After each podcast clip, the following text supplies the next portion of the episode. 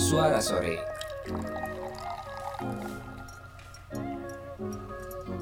Ngobrolin apa aja bareng Belaga Seto dan Chris Pradana. Merdeka, Indonesia tangguh, Indonesia tumbuh. Harus pakai slogannya banget ya lu kalau misalnya ngomong merdeka ya. Masih eh, dalam momen kemeriahan 76 tahun kemerdekaan Indonesia dengan slogan Indonesia tangguh, Indonesia tumbuh. Oh lu Indonesia banget sih kayaknya, enggak? ya iyalah masa Ya. masa eh, Malaysia Lu kan bukannya blasteran. iya eh, blasteran eh, Italia sebenarnya gue bule tau, tapi gue bule, bule Depok, disingkat Bulldog. eh, lu kayaknya harus gua tes nih kalau soal Indonesia Indonesiaan nih. oh mau ngetes ke Indonesiaan gue nih Mm-mm. Kayaknya lu mesti gua tes nih. ini m- masih eh, dalam segmen tebak tabok nih Oh enggak enggak enggak bukan. gue pengen ngetes. Lu kan tadi udah hafal tuh kan namanya slogan apa namanya HUT RI tahun ini ya. ya Sekarang gue pengen nanya sama lu nih, gue tes ya. Hmm, apa ya pertanyaannya ya? Hmm, ini deh. Coba lu sebutkan nama-nama ikan di Indonesia ya ya bukan itu ya. Ntar lu kalau bisa jawab dapat sepeda lagi lagi. ini aja dia aja. Ada berapa provinsi di Indonesia yang terbaru? Hmm, nah lo. Hmm, hmm, hmm, hmm. Nih, banyak yang salah nih pasti nih. Iya ini gua rasa pertanyaan yang simpel sederhana tapi mungkin orang-orang belum belum belum terlalu terupdate ya berapa jumlah Indonesia eh jumlah Indonesia Jumlah Indonesia. jumlah provinsi di. Indonesia terbaru ya Iya, yang paling baru. Ada berapa ya? tiga puluh berapa ya Hmm, tiga puluh hmm. tiga puluh tiga ya Sedikit lagi. Hah? sedikit lagi Berapa? ya? berapa jawabannya gua googling dulu 34 oke oke sekarang 34 ya 34 sekarang. Provinsi Dulu kan sempat ya. pernah 37 ya. Nah, kan sekarang jadi 34 terakhir. 34 Oh, oke oke oke oke oke oke oke Oke, next next next next. Pertanyaan Next kedua question. ya. Ini pertanyaan gampang, bener deh, asli. apa Jakarta tuh kan daerah khusus ibu kota ya. Daerah khusus. iya iya Terus kayak iya, Jogja itu daerah istimewa Yogyakarta. Gitu kan ya, bener ya? Tapi sebenarnya lu tahu nggak sih ada berapa daerah istimewa di Indonesia? iya. di Indonesia. Oh kalau ini gua tahu kalau ini gua tahu. Hmm. jadi ada lima provinsi yang memiliki sifat istimewa Chris. Atau atau kita sering dengarnya daerah khusus atau daerah istimewa gitu ya. Hmm, hmm, yang pertama itu Aceh gitu ya. Hmm, DI Aceh gitu ya daerah istimewa Aceh. Eh, kemudian DKI hmm, Jakarta hmm, ada DI Yogyakarta hmm. kemudian Papua dan Papua Barat Nah, ini pasti banyak orang yang nggak tahu juga ya. Ternyata Papua dan Papua Barat tuh masuk ke dalam daerah istimewa loh. Yes, Gila, gokil ya. betul.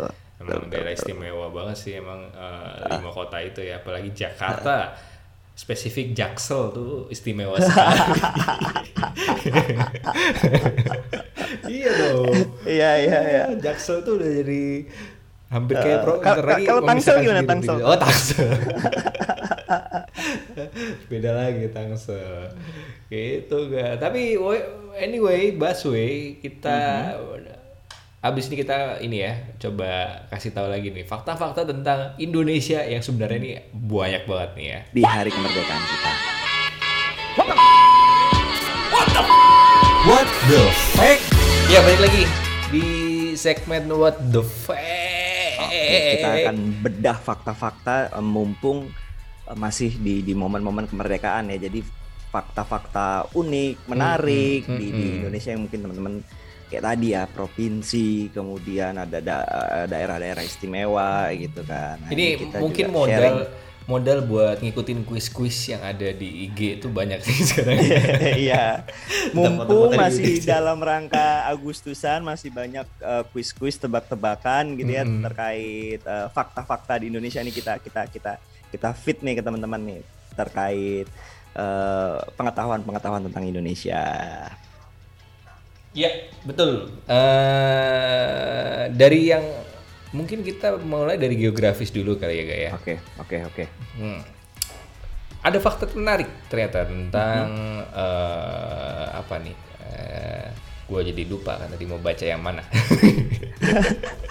Oh, ada contekannya. Oh, ada contekannya dong. Masa nggak ada contekannya? Gue kira di luar kepala. Wow, kan saking Indonesianya. Nah, ini nih sebenarnya eh, ada, aduh gue lupa nama websitenya itu ya. Mhm. Nama websitenya itu jadi eh, di website itu kita bisa ngelihat besarnya eh, negara kita dibandingkan dengan negara lain. Gue lupa apa ya. Gue lupa nama websitenya. Lu cari aja di Google deh. Nah itu bisa digeser-geser negara kita ke dibandingkan ke negara lain. Nah faktanya nih ternyata ya, gedenya luas kepulauan Indonesia itu sama dengan luas di Eropa Barat. Padahal di Eropa Barat itu ada 11 negara, coba Oh, bayangin aja. Wow. Memang eh, sering kita dengar ya waktu zaman kita sekolah atau eh, sahabat sore, sobat sore eh, itu mm, browsing gitu ya bahwasannya memang negara kita itu terkenal sebagai eh, negara kepulauan ya yang luas gitu kan ya. Ya betul banget. Ehm, bahkan saking luasnya itu kalau nggak salah kemarin sempat dibandingin di website itu sempat dibandingin sama ini deh eh, Rusia ya itu juga dari ujung ke ujung tuh panjangnya sama. Hmm. Itulah meng- mengapa eh, negara kita menyimpan kekayaan alam yang sangat luar biasa eh, besar ya. Eh, betul banget, gitu. Wawasan kebangsaan banget nih. bahkan tapi bener-bener tapi itu bener-bener ini ya gue tuh sampai kadang-kadang berpikir gitu kayak eh youtuber di Indonesia terutama kayak youtuber ini lah, soal makanan lah ya soal makanan. Itu jarang banget gitu ya sampai ke luar negeri gitu. Sedangkan kalau yang di luar negeri kalau youtuber-youtuber yang di luar negeri itu kayaknya sering banget dia eh, cari makanan sampai keluar luar negeri lah di bukan di negaranya gitu ya karena lu buat keliling Indonesia tuh kayaknya nggak habis-habis gitu ya Nggak bisa.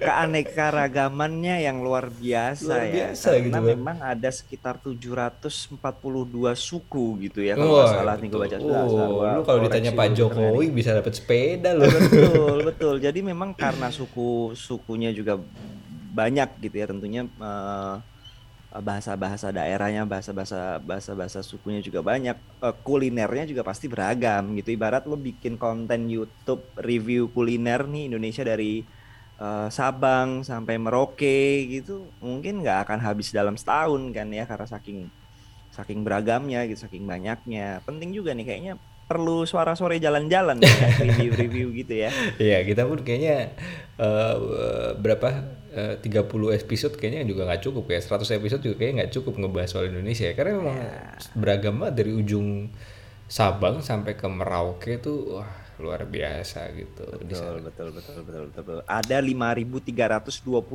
kuliner khas ternyata luar biasa belum luar biasa. belum itu nanti ini ya eh, kuliner eh, dadakan ya gitu ya. Kayak misalnya saking saking di Jawa Timur gitu ya mungkin dulu eh, penemuannya tuh kan gara-gara nyampur makanan sisa kali ya. Mhm. ya kan kayak di Banyuwangi tuh ada yang apa namanya soto apa, Rujak soto. rujak soto. Rujak soto. Lu jadi rujak rujak sama dicampur soto soto. aja sih itu kan sudah kuliner khas ya. Ini dicampur jadi satu tambah khas baru. lagi. Betul tambah khas lagi gitu kan. Belum ada pecel rawon. Betul rawon kan? Sendiri rawon sendiri dicampur Campur. tuh pecel rawon tapi lo harus mungkin yang nemuin buat- kayak di kulkas ngeliat kulkas ada ah ada pecel ada rawon. Tinggal dikit ya udah jadi satu aja deh. Jadi pecel rawon. Tapi asli itu enak. Asli Enak, itu asli enak. enak, pecel asli. rawon tuh enak. Rujak soto enak. Buat temen-temen yang mau nyobain nih Hmm. itu khas Banyuwangi. Boleh dicoba kapan-kapan kalau lagi eh, mungkin ya pengen traveling gitu kan ke Bali biasanya destinasi wisata kita gitu coba lewat jalur darat dari Banyuwangi nyebrang baru ke Bali gitu ya ke, eh, ke Tapang Gilimanuk nah sebelumnya cobain tuh dua kuliner khas itu tuh Oh, enak iya. asli. Gila banget ya. Eh, apa namanya istilahnya eh, eh, Duta promosi Banyuwangi ya. pariwisata oh, duta duta pariwisata Banyuwangi Laga Seto, Duta Pariwisata Banyuwangi luar biasa. iya, iya, Tapi anyway, eh, tadi itu kan soal geografis ya. Nah ini kita ngebahas soal bahasa. Bahasa Indonesia ini ternyata nggak kalah ya dibanding sama kan kalau bahasa Inggris memang udah jadi general ya di dunia lah ya. Bahasa Indonesia ini juga ternyata dipelajarin sama beberapa negara kayak Jepang, Australia gitu ya di salah satu negara bagian di Australia itu juga eh, apa namanya mempelajari ada ada bahasa- di di di, di kurikulumnya ya Iya. Si Chris Hemsworth, Chris Hemsworth lagi. Chris Hemsworth kan pernah diwawancara dan dia sempat bilang katanya di sekolahnya dia kan juga belajar bahasa Indonesia. Jadi kayak oh Thor ya Thor, ya Thor, Thor. eh, Nah, eh, jangan-jangan jadi bahasa ini juga di Midgard ya jadi bahasa ini ya yang dipelajari di Midgard. Eh, ya, Midgard kok Midgard? Midgard bumi dong, Asgard kali. Asgard Asgard Asgard tadi ya, ya, Asli Garut Asgard. kan di Asgard. Asgard asli rambut Garut. Asgard ya. Eh, eh, pokoknya rambut-rambutnya Thor kan bagus-bagus tuh di sana. Iya, iya. gitu. Nah ternyata salah satunya juga di Vietnam itu dijadiin bahasa resmi keduanya. Gue juga baru tahu nih ternyata. Hmm, Gitu. Jadi kalau ngomong di sana mungkin orang-orang kita ngomong cacok cacok di sana mungkin mereka Ngerti tahu kan. ya. Oke, ba- eh, mungkin eh, season berikutnya kita akan buat suara sore Ghost to Vietnam. Jadi kita akan pakai bahasa bahasa Indonesia ya. bisa bisa bisa bisa. Kita bisa didengerin di Vietnam, si eh, Malaysia dikit-dikit lah ya. Iya, iya, iya, iya, iya, iya, iya. Nah, tapi sebenarnya ya itu fakta-fakta biasa sih ya. Pasti orang-orang juga udah pada tahu gitu kan. Hmm. Ada nggak fakta-fakta lain nih? Ada dong. Jadi selain memang mungkin teman-teman udah udah udah ada familiar lah ya dengan dengan fakta itu gitu kan ya. Cuma ini gue punya fakta unik tentang orang Indonesia nih. Apa tuh? Gitu. Di antaranya orang Indonesia itu punya kebiasaan mandi dua kali sehari. Mungkin lo baru tahu maksudnya ya kenapa emang ada yang salah dengan mandi dua kali sehari?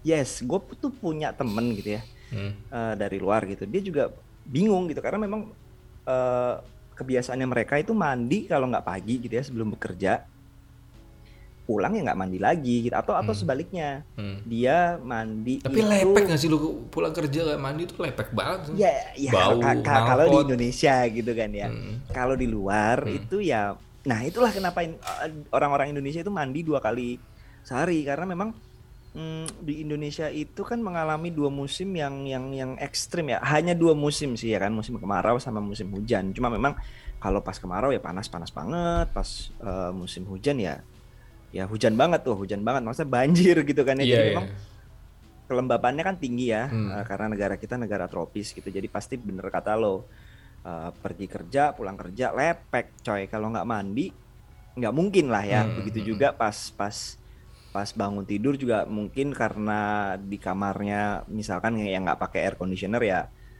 eh, berasa panas gitu kan pasti berangkat mandi lagi memang kebiasaan kebiasaan di luar sana ya kalau nggak pulang kerja mandi berangkat kerja hanya cuci muka sikat gigi kemudian berangkat lagi gitu karena masih masih masih fresh gitu kan Pantes ya. Memang Kalau kita ke Bali tuh baunya asem gitu ya di sana ya. berarti Karena- itu banyak orang-orang yang nggak mandi dua kali sehari Iya ya. makanya. Tapi emang gue sempet denger juga gitu kan. Bahkan bukan cuman sekali sehari, bahkan ada yang dua hari sekali gitu kan kalau di eh, bule-bule mungkin itu. itu kan. di Afrika kali ya karena jarang air Astaga, enggak astaga. jadi dark jokes deh dark jokes nih. Enggak, enggak, enggak. Ya, ya, ya, ya, ya, ya, memang, memang ini sih. Tapi jujur gue, gue tanya ke lu ya. Selama Hmm. WFA, lu mandi berapa kali sehari? eh nah ini nih tergantung ya Gua kalau kan? misalkan eh eh, sore gitu masih ada kegiatan habis habis habis eh, selesai WFH gitu masih Hmm.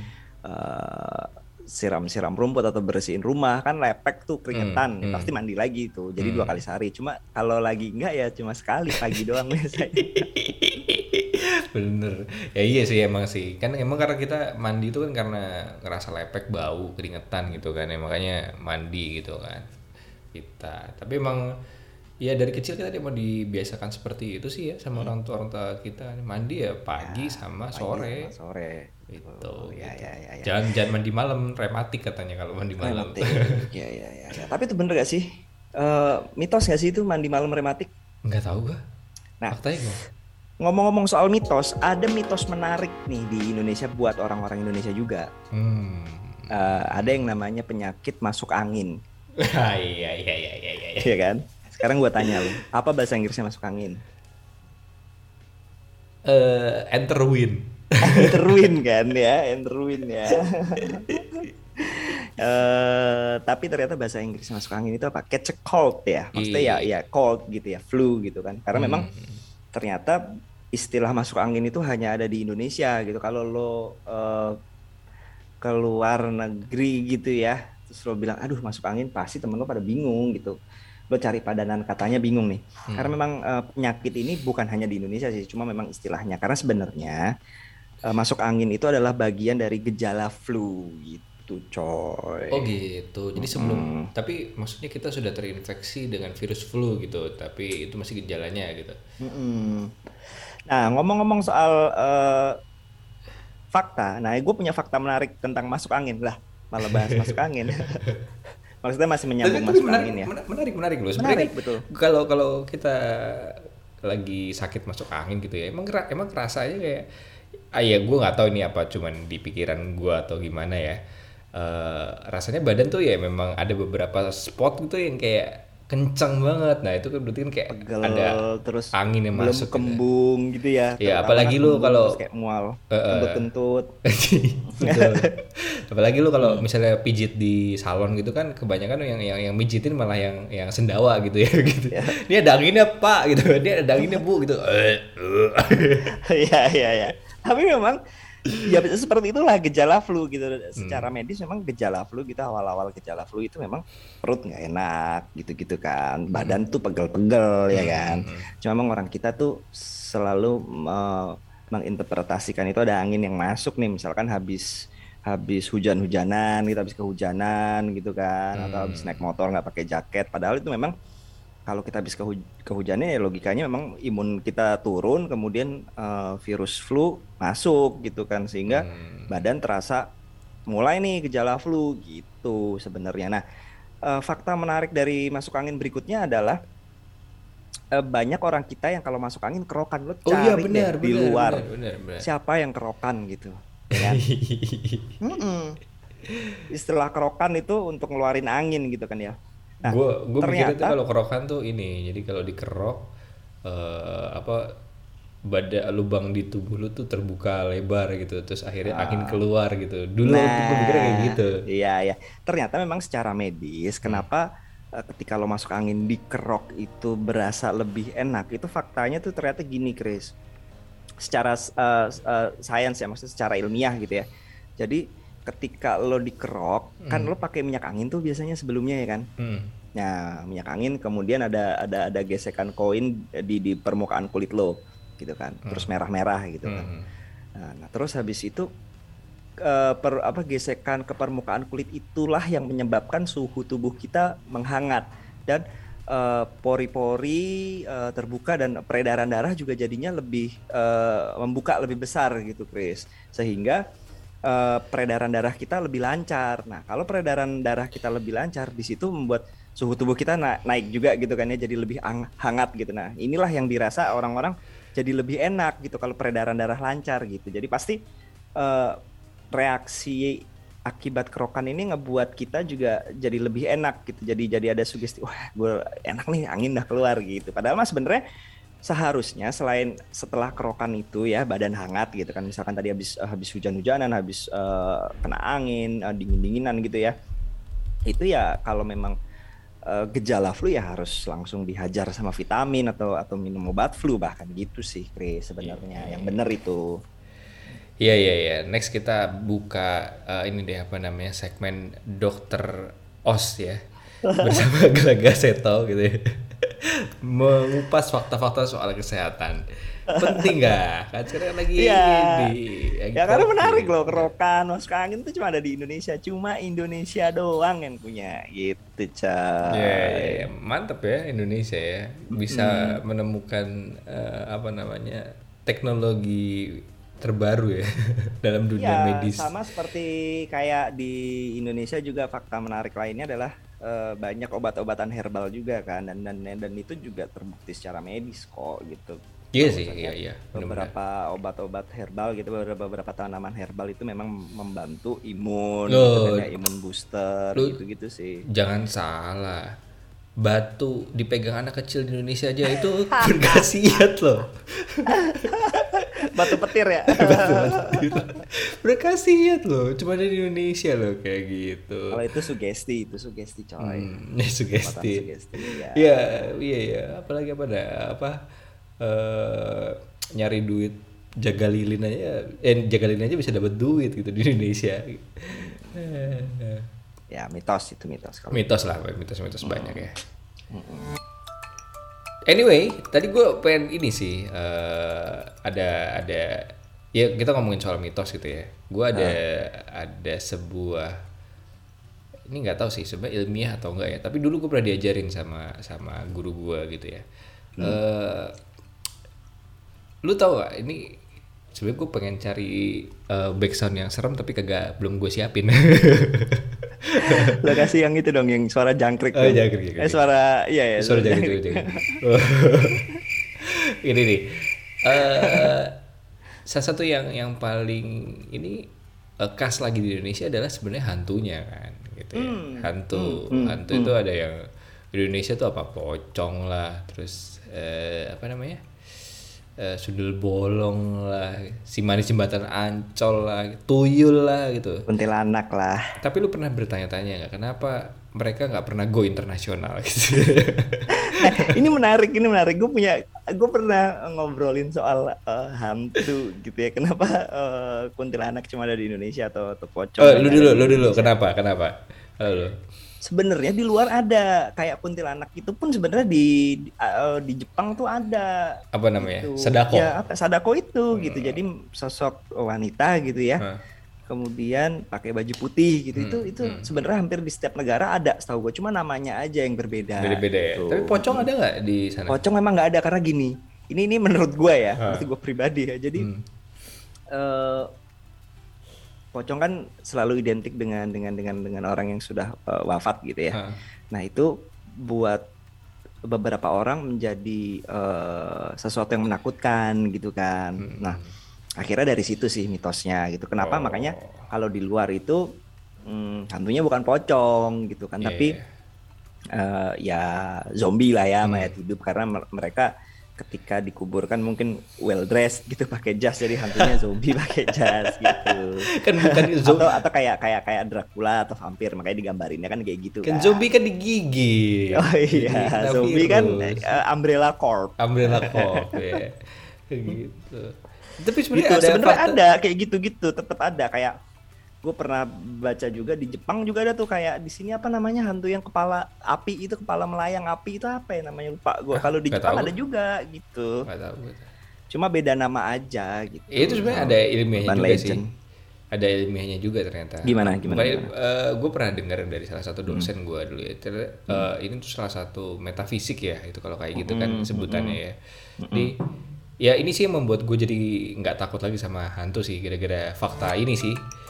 Eh ternyata eh kan apa di di dunia ini tuh ada beberapa suara-suara tuh yang kita nggak bisa dengar gak gitu. Suara sore. suara sore bukan. Maksudnya ada suara berapa kita kan ada frekuensi berapa sampai berapa gitu ya bisa kita Iya. dengarkan kayak gitu kan. Nah eh, mungkin beberapa orang itu dilahirkan dengan gift dengan gift eh, yang lebih gitu kayak misalnya lu bisa bisa mendengar eh, suara di frekuensi yang mungkin lebih rendah atau lebih tinggi lah segala macam gitu ya. Oke. itu sama kan kayak kayak ada anjing kelelawar gitu gitu kan. Kadang-kadang kalau malam-malam suka kita nggak dengar apa-apa mereka tiba-tiba dengar sesuatu mereka bisa gonggong kan gitu aja gitu. Padahal kita nggak dengar apa-apa gitu. Nah nah ternyata di situ tuh itu tuh bisa membangkitkan suara apa istilahnya apa sih dulu eh, suara di yang di luar ini ya di luar bisa didengar manusia itu. Frekuensi yang didengar manusia ya. Ya, pokoknya Tentang itulah. frekuensi yang didengar Iya. manusia ya. Nah, suara itu tuh frekuensi itu tuh bisa men-trigger alam bawah sadar kita. Eh, Bisa men-trigger alam bawah sadar kita sehingga kita berhalusinasi gitu. Memang kan ya suara itu nanti kan datangnya dari dari lokasi-lokasi tertentu. Jadi kita berasa berhalusinasi itu yang menyebabkan kenapa di setiap negara hantunya tuh beda-beda. Hmm, ya itu Karena- tadi yang gue bilang ya karena misalkan di sini eh, apa identik dengan misalkan orang meninggal itu ya di di, di, di kain kafan kan Betul, eh, jadi pocong gitu kan betul. mengapa di luar juga nggak ada karena memang Betul. nggak nggak dipocongin kan kalau yang di luar kan gitu, kan gitu. misalkan. Jadi jadi karena karena di kalau di luar ya karena di dari dulu kita dikasih tahu hantu tuh kayak gini gitu. Jadi kalau misalnya kita uh, ke trigger gitu ya uh, apa namanya uh, dari suara itu ya yang ter- yang ya, kita terbayang adalah itu yang muncul manifesto eh, sesuatu yang kita takutkan itu yang yang yang dari dulu sudah sudah di diiniin ke kita ya misalkan dari kecil udah diceritain awas jangan Tapi keluar asli itu gara-gara itu ya itu bisa percaya nggak ini." percaya ya. Itu percaya nggak percaya. Tapi itu yang membuat gue jadi sekarang ya ya lihat hantu, maksudnya lihat hantu lagi maksudnya. maksudnya eh, apa nggak takut sama ya kalau hantu malam-malam kayak gitu jalan gelap. Dulu gue ya jujur gue dulu agak penakut gitu ya. Tapi kalau sekarang jadi tahu fakta itu oh ternyata gitu. Ya udah gitu. Gitu sih. Tapi itu buat percaya nggak percaya aja gitu. Ini j- dari ngomongin fakta Indonesia sampai ngomongin supranatural ya. Karena Iya. kita punya segmen khusus lah nanti untuk ini. Ya ngomongin ini. Iya kan? Iya, iya, iya, Cuman cuman ada di Indonesia doang kalau kesurupan ngomong aing maung gitu kan. kenapa nggak eh, I am hungry I am hungry. I need coffee gitu. Iya, iya, iya. gitu. Menarik ya bahasan hari ini ya. ya, ya, ya, ya, ya. Itulah fakta-fakta menarik yang ada di di, di Indonesia dari Tapi dari intinya dari- adalah sebenarnya gue pengen ngasih tau. Jadi kalau misalnya kita pengen ya kayak gitu ya kan ke apa eh, sebenarnya semuanya dari alam bawah sadar lah ya ga gitu kan. Eh, jadi kalau kita pengen Indonesia kita maju. Uhuy, pesan moral. Gokil kesimpulannya nih.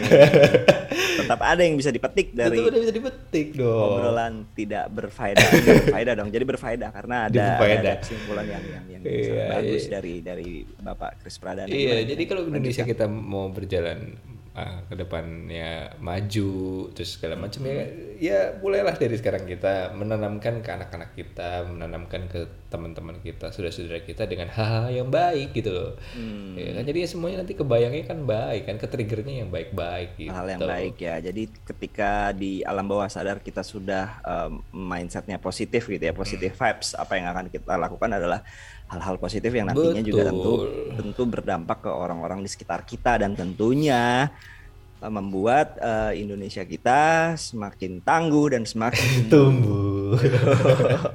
ya udah bener. Ya, tapi gue akuin sih memang ada satu dua lah masalah Indonesia gitu. Tapi jangan sampai lupa bahwa di balik satu dua masalah itu ada ribuan keindahan di Indonesia. Yakin lu kalau cuma jalan-jalan ke Papua lah, jalan-jalan ke NTT, jalan-jalan ke ya ke Bali aja lah yang sering banget gitu kan. Lu pasti akan sangat bersyukur banget berada di Indonesia gitu. ah ya ya yes yes yes yes, yes, yes, yes. Gitu. oke dapat poinnya dapat kan gitu deh ada berita bagus banget gitu dari pagi tuh gue baca tuh ternyata eh, negara-negara di dunia tuh udah mulai ini ya ketergantungan. Udah kayak narkoba ya nikel kita itu. Nikel Indonesia tuh udah udah kayak narkoba buat eh, negara-negara di dunia. Karena kan mungkin sekarang udah mulai ini ya hits banget kan mobil elektrik kan. Ya nikel tuh pasti akan sangat dibutuhkan banget tuh. Dan Indonesia kaya kan nikel ya. yes, yes, yes, yes, yes, yes, yes, betul, betul, betul. Ya, masih ada harapan lah ya. Masih lah banyak. untuk kita tangguh dan tumbuh. Nah, sekali lagi, tangguh dan tumbuh. Gitu. Pak Jokowi nggak mau ya. kita undang nih. dapat sepeda ntar kita ya wes Oke, lah kalau kayak gitu eh, episode kita kali ini eh, fakta-fakta menarik tentang Indonesia. Semoga kalian semakin cinta terhadap Indonesia kita yang berulang tahun ke-76 pada bulan ini. dan cintailah suara sore pokoknya Follow dari Instagram kita di @suarasore dot podcast, podcast. Dan oke lupa dengerin di Spotify, di Google Apple Podcast, Google Apple Podcast, Podcast. ya, dan platform-platform uh, podcast kesayangan kalian. oke kalau gitu stay cool Stay healthy. Bye bye.